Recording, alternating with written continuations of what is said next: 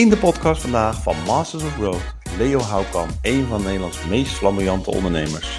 Maar voordat we verder gaan, wil ik eerst onze sponsor bedanken, www.geluk.com, voor elk moment het juiste geschenk. Leo, bedankt dat je in onze podcast wil komen. Ja, dat doe ik met plezier. Je, het zat er al jong in, hè, het Ja. ondernemen. Ja, als, eh, eh, als eh, jongen was ik al heel erg geïnteresseerd in eh, ondernemersboeken, in alles wat te maken had met eh, economie. Ik heb ook eh, ooit een test gedaan toen ik 18 was en daar kwam heel expliciet naar voren dat ondernemerschap wel het dichtst eh, bij mij eh, kwam. Uiteindelijk ben ik ook ondernemer geworden en ik ben ooit begonnen met een kledingketen. Dat is uiteindelijk uitgegroeid tot eh, 40 winkels, een damesmodeketen. Die heb ik in, in 2000 eh, verkocht. Daarna ben ik na een jaartje wat rustig aan doen, ben ik gestart met, met hotels. En daarvanuit ben ik uiteindelijk in de televisiewereld beland. Maar even terug, op je achttiende deed je een test. Ja, ja daarvoor eh, merkte ik ook natuurlijk. Op school eh, wilde je aan iedereen eh, wat verkopen? Ja, dat soort dingen. Ik kwam uit een kansarme familie en dan, ja, daar was weinig geld. En was ik altijd wel geïnteresseerd om dingen te doen die dan geld opleverden. Zo ging ik met vriendjes, ging, samen met een jongere broer, zetten we dan op de zolder een hele kermis op. En dan mochten ze allemaal kermisattracties eh, eh, gaan, gaan doen tegen een bepaald bedrag. En nou, daarmee Ja. eh, merkte ik ook natuurlijk wel dat bij ons het echt wel in zat. Mijn jongere broer, waar ik ook later samen mee ben gaan werken, dat, dat wij wel heel erg creatief waren in, in het ondernemerschap. Maar kan je eens wat vertellen over de start met de kledingwinkels? Hoe kwam Ja. je op dat idee? Want had je affiniteit met mode of damesmode? Ja, ik, kwam, ehm, ik studeerde in die tijd en Nederlands recht. En eh, samen met mijn eh, toenmalige vriendin, eh, die erg geïnteresseerd was om een eigen winkeltje te beginnen, konden we op de Bloemfonteinstad, dat was echt de C-locatie in Rotterdam, konden we een winkel overnemen. En daar hebben we eigenlijk het vak geleerd. Uiteindelijk werd het toen duidelijk hoe het werkte. Ik ben me helemaal gaan verdiepen in alles wat te maken had met, met kleding. Na het afronden van mijn studie Nederlands recht ben ik ook veel economie gaan doen. En met name ook veel in die hele sector gaan verdiepen. Hoe het eh, precies werkt om een, eh, om een kledingwinkel eh, op te zetten. Uiteindelijk zijn we gekomen tot een, een kledingketen. Waarbij ik samen met mijn broer eh, tot 40 winkels kwam. En ja, daarmee eh, hadden we toch al een, eh, een, een, een leuke organisatie met zo'n kleine 100, 120 mensen actief. En in 2000 heb ik toen alle winkels verkocht. En vanaf dat moment ben ik goed gaan nadenken wat ik verder wilde. Ik ben, En, sorry hoor. Ja. Op een gegeven moment ging je rechten studeren. Ja. Er was een kledingketen aan opzetten. ja, Normaal zou je zeggen van nou, het gaat lekker. Waar zou ik nu nog eh, tijd aan studeren besteden? Ja, nou, studeren was voor mij wel een eh, must. Ik vond dat ik te weinig bagage had. En ik, ik vond het heel interessant om een, eh, op universitair niveau een studie te doen. Dat is me heel goed afgegaan. In 2,5 jaar tijd heb ik die universitaire studie eh, behaald. En toen heb ik ook heel kort even wat geroken aan de advocatuur. Vond ik ook interessant. Alleen, ja, economie, eh, eh, eigen ondernemen, ondernemerschap. Dat was wel iets wat mij meer trok. Eh, samen met mijn broer kwamen we tot de conclusie dat er een aantal grote filiaalketens waren. Die ook hetzelfde concept hadden wat wij hadden. Die hebben we goed geanalyseerd. We hebben een goed systeem opgezet, strategie verzameld. En we zijn stap voor stap gestart met de ontwikkeling van de, expansie van, de, van dat filiaalbedrijf. Je zet een, eh, een kledingketen op, televisiezender, hotels. Ja. Ja, heb je dan ook bepaalde doelen die je stelt? Nou, kijk, als je echt kijkt van eh, wat is de zin van je leven en wat wil je precies bereiken en, en welke doelen stel je dan? Ja, op het moment dat wij eh, begonnen met die kledingwinkel en we zagen de, de, de marktkans en we analyseerden de marktbenadering. Vanaf dat moment hebben wij heel duidelijk doelen gezet. Eh, zijn we op grond daarvan eh, tot een ontwikkeling gekomen. En belangrijk is natuurlijk ook, en dat zeg ik ook tegen meer mensen die dan vragen weer hoe werkt zo'n systeem nou? Bepalen van doelen, dat is wel iets heel essentieel is, ook in mijn activiteiten. Als ik echt kijk naar wat is mijn kracht, dan is het wel zo dat ik goed nadenk over dat, wat wil ik nou werkelijk en wat zijn dan de doelen die daarbij samenhangen. Ik zeg wel eens, het doel van het leven is leven met doelen. Andere woorden, ik uh, heb elk jaar voordat uh, op het eind van het jaar evalueer ik de, de afgelopen doelen. En de nieuwe doelen die, die maak ik dan. Dat doe ik echt in een doelensessie waarin ik op verschillende vlakken heel expliciet op papier zet. wat zou ik willen? En, en dan probeer op grond daarvan dat goed te benoemen. Ik zet dat dan ook altijd in een doelenboek. En ik werk met een management doelstellingssysteem. Met andere woorden, ik zorg er ook voor dat als ik eenmaal doelen gesteld heb, dan committeer ik me er ook aan. Want daar heb ik goed over nagedacht. En dan ga ik uh, met, met kwartaal, maand, week, doelen en dagdoelen, ga ik aan de slag. En dan blijf ik wel massieve actie in de richting van die doelen maken die ik, eh, die ik ook daadwerkelijk benoemd heb. En met een doelenboek maak ik het visueel. Nou, er zijn genoeg goede boeken die aangeven hoe je dat uh, precies kan doen. Belangrijk is, um, ik bepaal de doelen wel echt aan de hand van zelfkennis en wat ik, uh, wat ik graag wil. En dat zorgt er ook voor dat ik heel erg gemotiveerd ben. En dat ik op grond daarvan ook heel vaak datgene wat ik als doel heb gesteld. En er zit absoluut ambitie in, hè, uitdaging. Ik kan wel zeggen, alles wat ik uh, begin van het jaar expliciet op uh, papier zet en ook in mijn doelenboek. Het eind van het jaar heb ik altijd wel zo'n 80% uh, als resultaat minimaal. Heel geregisseerd, zeg maar. Waar komt die drive vandaan? Ja, nou, dat heeft vooral te maken omdat ik het ondernemerschap leuk vind. Dat ik als kind natuurlijk in die kansarme situatie zat, waarin wij het eh, niet rijk hadden thuis. Ik veel vriendjes had eh, die, die dat allemaal wel hadden gezien. Hoe, hoe belangrijk welvaart is, hoe belangrijk geld is. En ja, dan heb je altijd wel zo'n drive dat je dat zelf ook wil.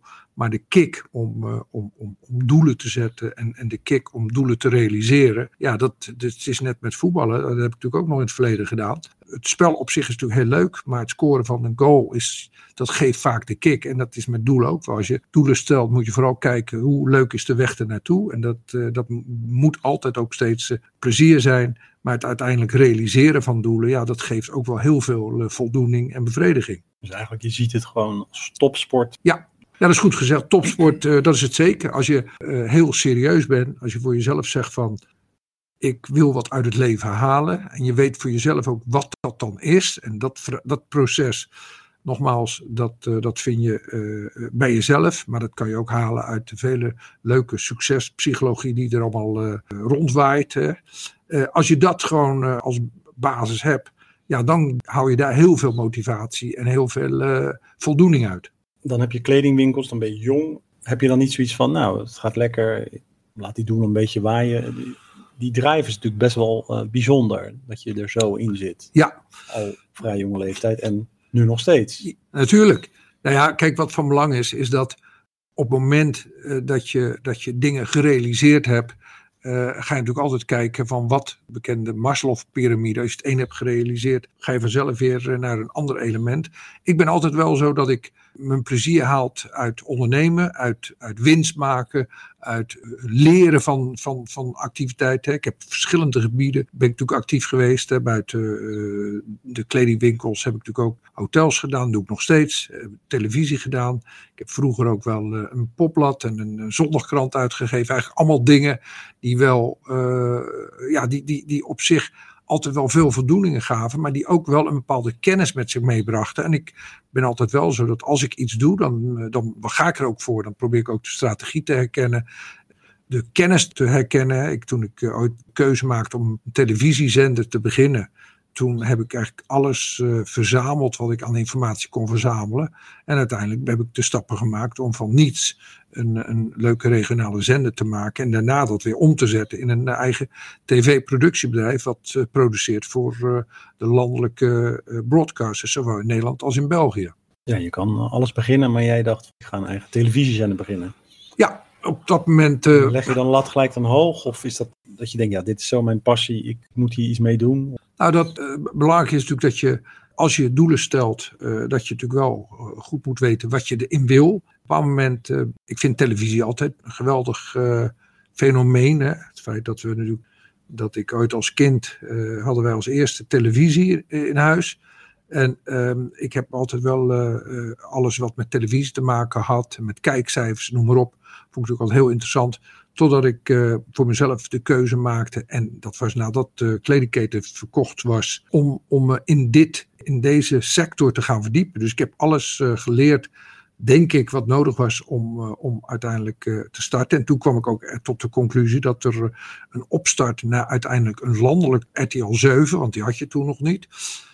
Dat dat gewoon in de mogelijkheden zat. Ik ben begonnen met een regionale tv-zender.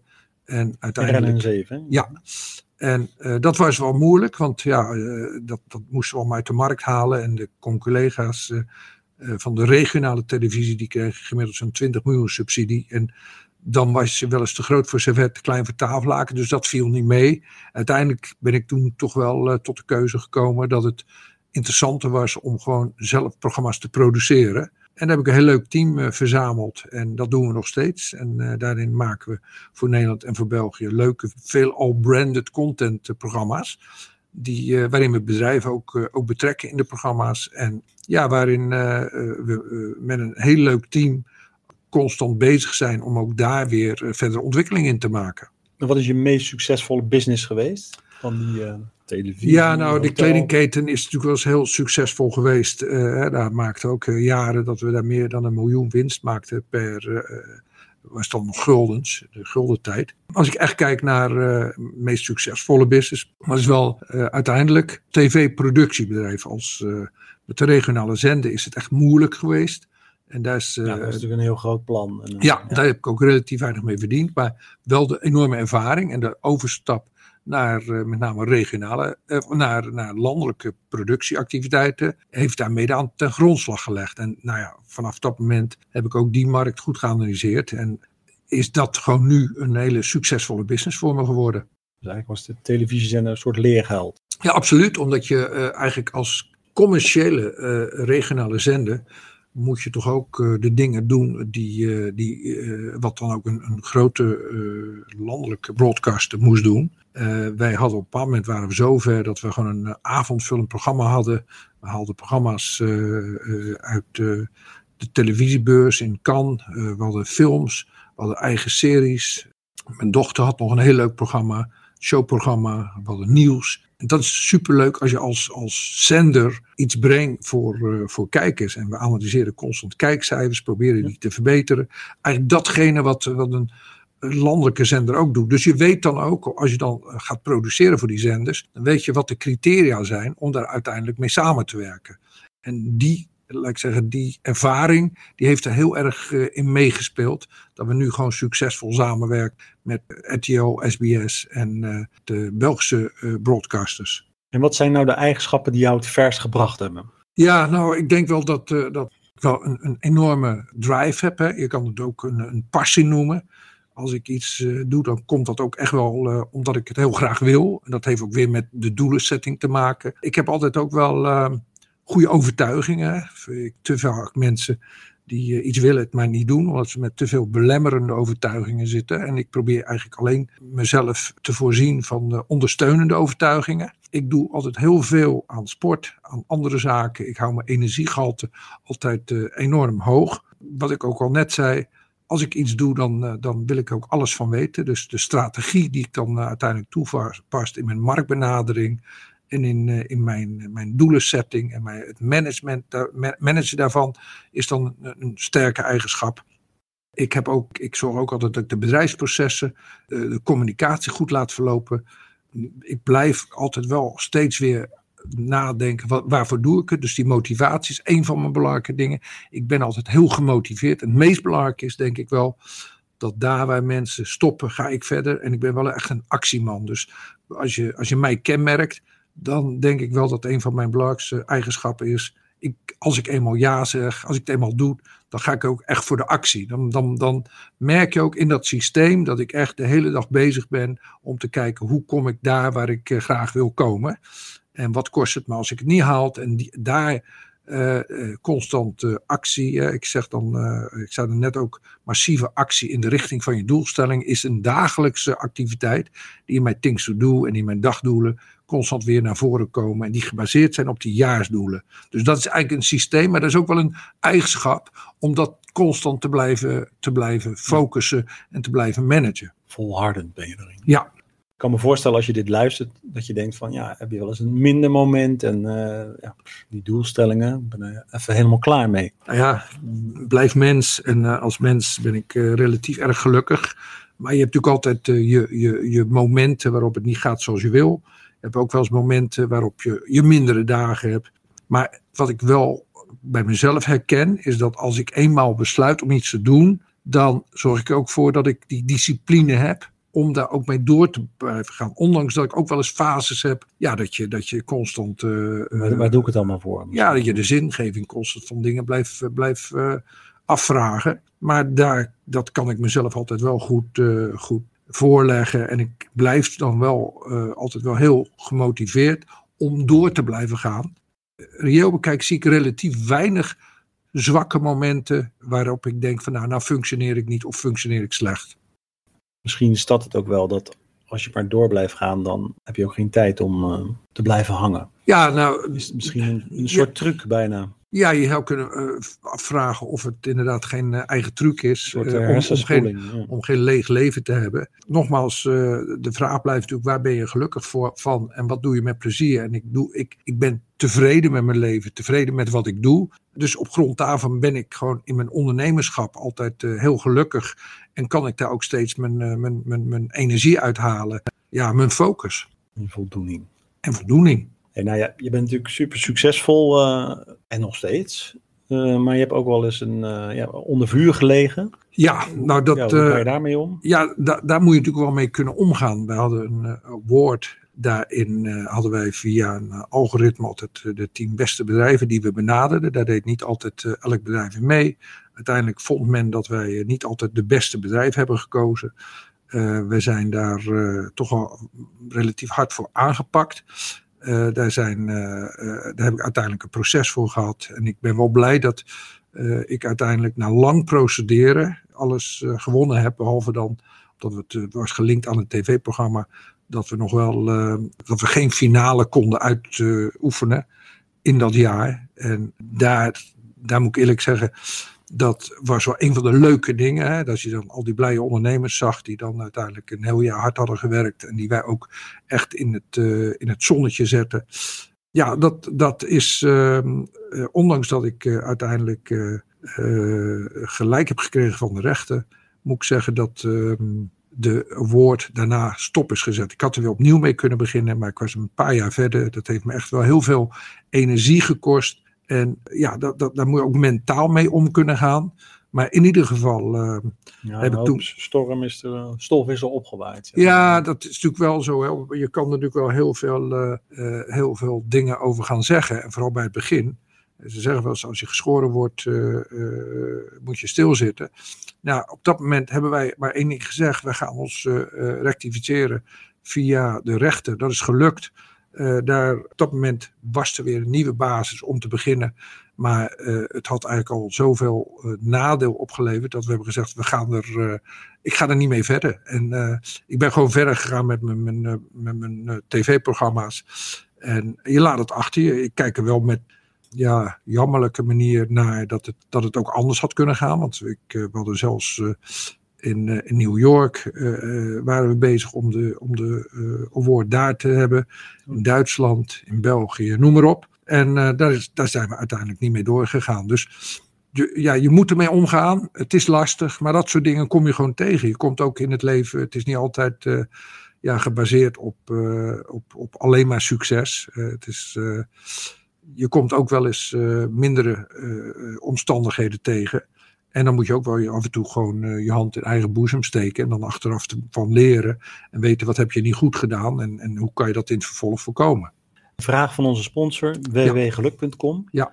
Wanneer is geluk een factor geweest in jouw carrière? Nou ja, geluk algemeen uh, ben ik. Hè? Dus ik, ik vind altijd als ik, uh, als ik in mijn carrière bezig ben, ga ik elke dag nog met heel veel plezier naar mijn werk.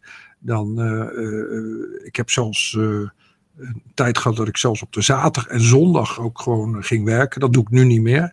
Ik kies nu gewoon voor mijn, uh, arbeidsrustverhouding heel goed.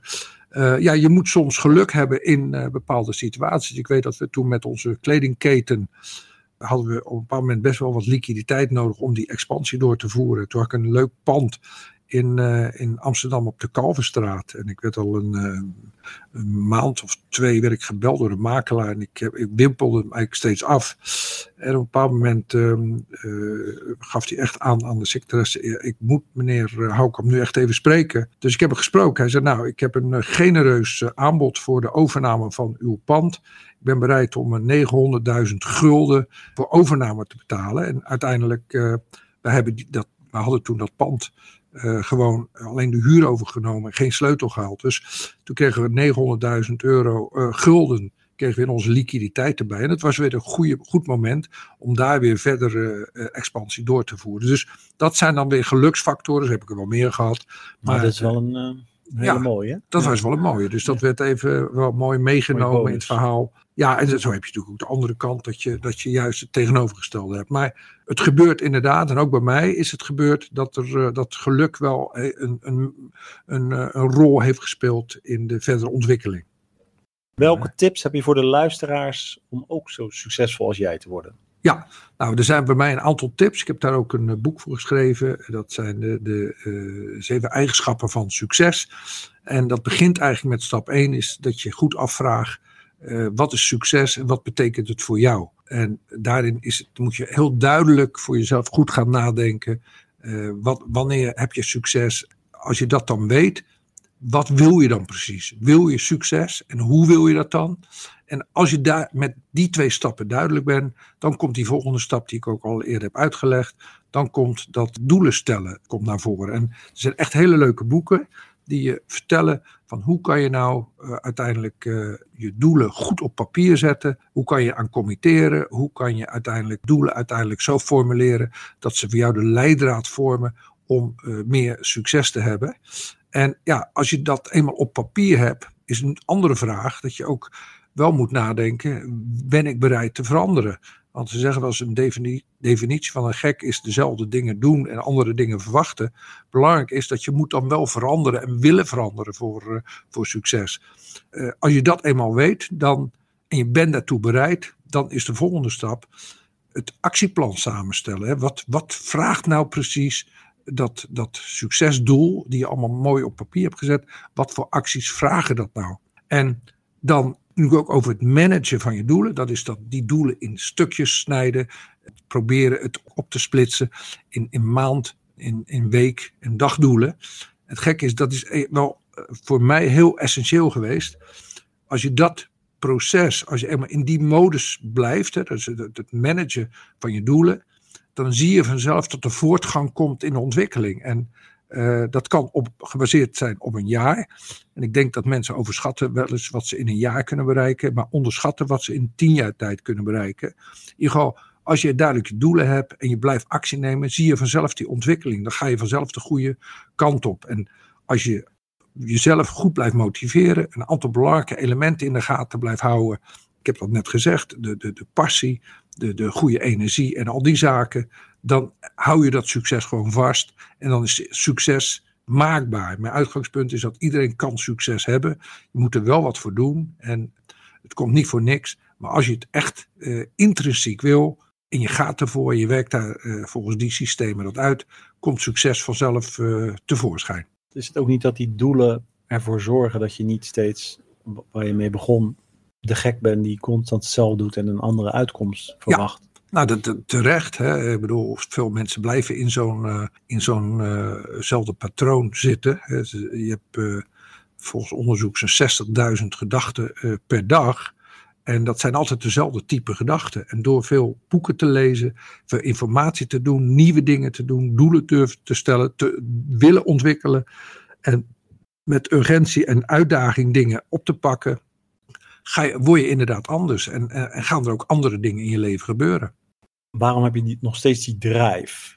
Je hebt je schaapjes al op het droge. Ja, de drive komt, um, komt feitelijk uh, uh, daar vandaan dat ik niet achter geraniums wil zitten of, uh, of, of weinig wil doen. Ik wil altijd wel betekenis geven aan dingen. in dat geval, wat ik al ehm, in het hele interview heb gezegd, ondernemen maakt me vaak blij. ondernemen werk je met mensen, ondernemen werk je met uh, een richting. Je voelt uh, dat je leest misschien wel. Ja, nou ja, en anderen hebben dat natuurlijk ook door, uh, door hun bucketlijst af te werken. En dan zeg ik, ga die en die dingen doen. Nou, ik, ik, heb dat niet zo. Ik ben niet het type die nou zegt, ik ga heel veel reizen, hoewel ik maar daar ook zonder meer in, in verheugt. Maar ik ben meer het type dat ik, ik hou van, van dingen realiseren. Ik hou van nieuwe dingen opzetten. En uh, die, dat nu nog steeds. En uh, ik zou moeilijk kunnen, uh, het idee kunnen hebben om dat, om dat anders te gaan doen. Ik bedoel, zolang ik nog steeds goed mijn energie houd. En dat blijft wel een van mijn sterke punten. Ik ben altijd, altijd vol met energie, vol met nieuwe ideeën. Ik zie ook heel veel leuke ontwikkelingen. Ik vind het ook geweldig. Uh, de hele digitale ontwikkeling en wat mijn toegevoegde waarde daarin zou kunnen zijn. Ja, daarmee blijf ik geïnteresseerd in, ja, in economische ontwikkelingen. En met name uh, de, in de drive om uh, een ondernemer, onderneming te optimaliseren en, en daar ook alle leuke dingen uit te halen die erin zitten. Dan heb je zo'n lange carrière en dan begin je ineens de Leo of de Leo-borrel. Ja, nou ja, soms moet je ook, ook leuke een, dingen doen. Succes. Ja. Nou, maar, het is leuk en ook nog een succes. Ja, nou, op een bepaald moment uh, had ik zoiets van, wat, ik ben zelf iemand die het ook leuk vindt om één keer per week uit te gaan. Toch als een soort van uitlaatklep. Dus ik kom wel in het Rotterdamse en dan merk je dat er weinig high-end classy activiteiten zijn. En op een bepaald moment waren we met een aantal vrienden en hebben we besloten om, om te kijken of er in Rotterdam nog mogelijkheden waren om een eigen feest op te zetten. En uiteindelijk heb ik ook dat weer even goed onderzocht. Wat zijn er alle andere feesten en wat is nou de doelgroep? En wat voor, wat voor wat voor product kan je aanbieden? En zo zijn begonnen met de eerste borrel. En dat was vanaf het eerste moment al een succes. En uiteindelijk heeft dat geleid tot al jarenlang, uh, tot en met de COVID toe, uh, een drie, vier keer per jaar een feest waar, uh, waar, waar zo'n duizend tot 1500 leuke representatieve mensen komen. Waar je ook, ja, ook dat, die mensen energie kan geven, ook energie van terug kan krijgen. Leuke feesten, ook allemaal uh, net even een moment om, om eruit te willen, om gezien te worden. Het is ook een beetje zien en gezien worden. Maar ja, de mensen die wij uh, uh, uitnodigen, of de mensen die naar dat feest komen, die vinden dat geweldig. Want we hebben een vaste hoeveelheid aan mensen die, die altijd komen. Maar we zien ook steeds weer nieuwe mensen. En dat is het leuke ervan. En zodra de COVID weer voorbij is, hopen we uiteraard deze deze nieuwe weer, uh, de nieuwe uh, Leo Boros, uh, de Leo's Events, zoals we het tegenwoordig noemen, weer te gaan organiseren. En je hebt het steeds over je energie. Heb je daar ook bepaalde rituelen voor of, of ja. speciale voeding? Nou, je zegt sporten. Ja, ik, ik lees heel veel boeken. wat nou uh, ik ben een lezer overigens hoor, maar ik lees heel veel boeken van wat, hoe, hoe werken nou je energiesystemen. Ik heb over, ooit oefenmeester 3, 2 en 1 gedaan en daar zat ook uh, met voetballen, daar zat, zat ook een gedeelte uh, fysiologie in.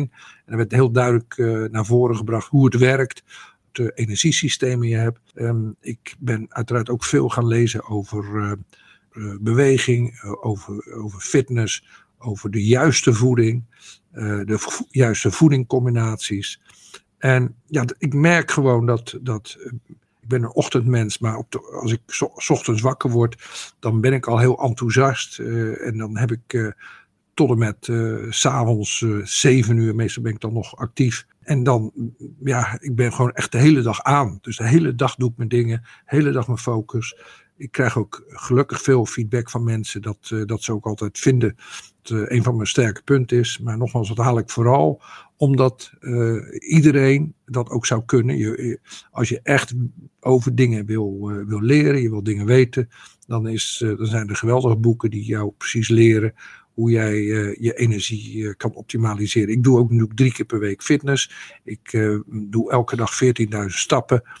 Uh, ja, allemaal dingen die uiteindelijk uh, je investeert in energie en je krijgt het weer terug. En dat heb ik ook met mensen. Ik, ik investeer in mensen. Ik vind het ook leuk om jonge ondernemers te helpen. En ik krijg er ook weer energie van terug. Ja, dat zijn leuke, uh, leuke dingen. En, en, en dat houdt eigenlijk dat houdt mij scherp. En dat geeft mij nog steeds veel positieve, optimistische energie en activiteiten. En, en je drinkt ook niet, hè? En, nee.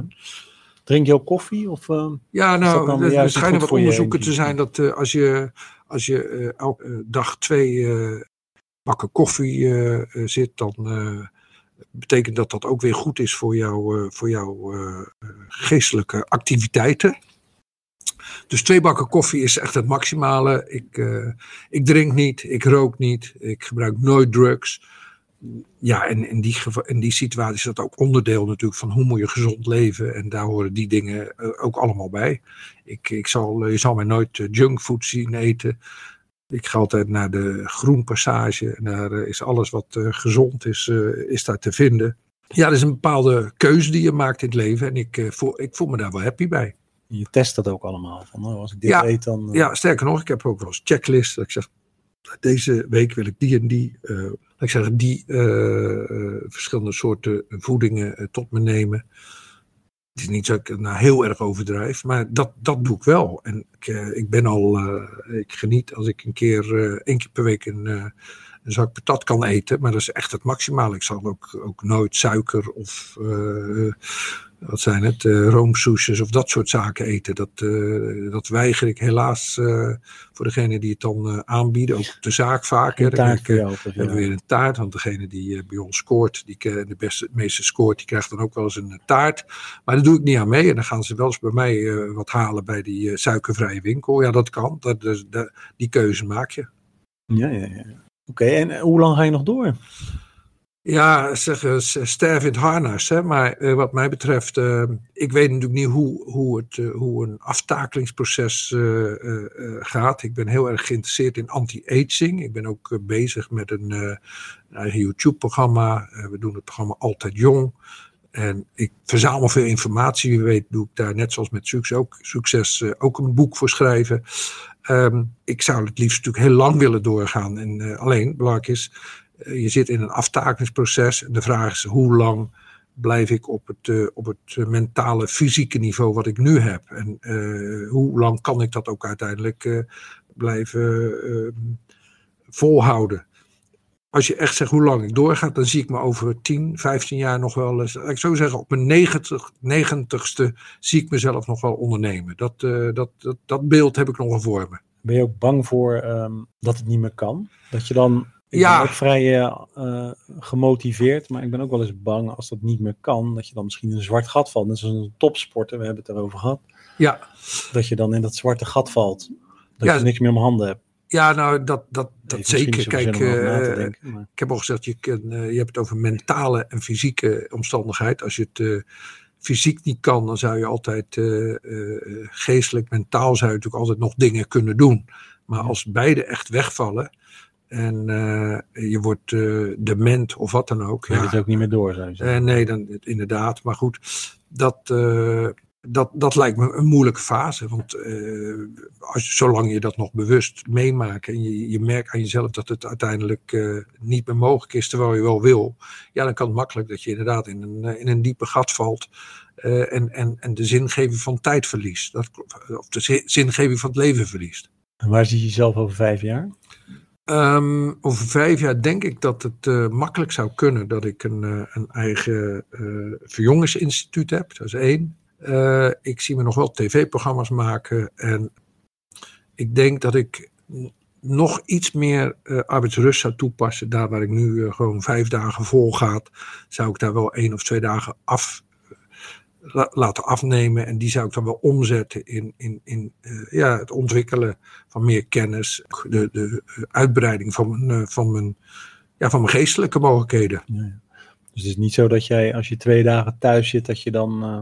Nou, het, het, het, is me gelukt nu op de zaterdag. Is het makkelijk voor je om te ontspannen? Of, Ja, ja, ja. Ik, ik doe ook best veel aan ontspannen. Ik doe aan transcendente meditatie. Ik doe aan, uh, aan mindfulness. Uh, ik uh, doe aan kundalini yoga.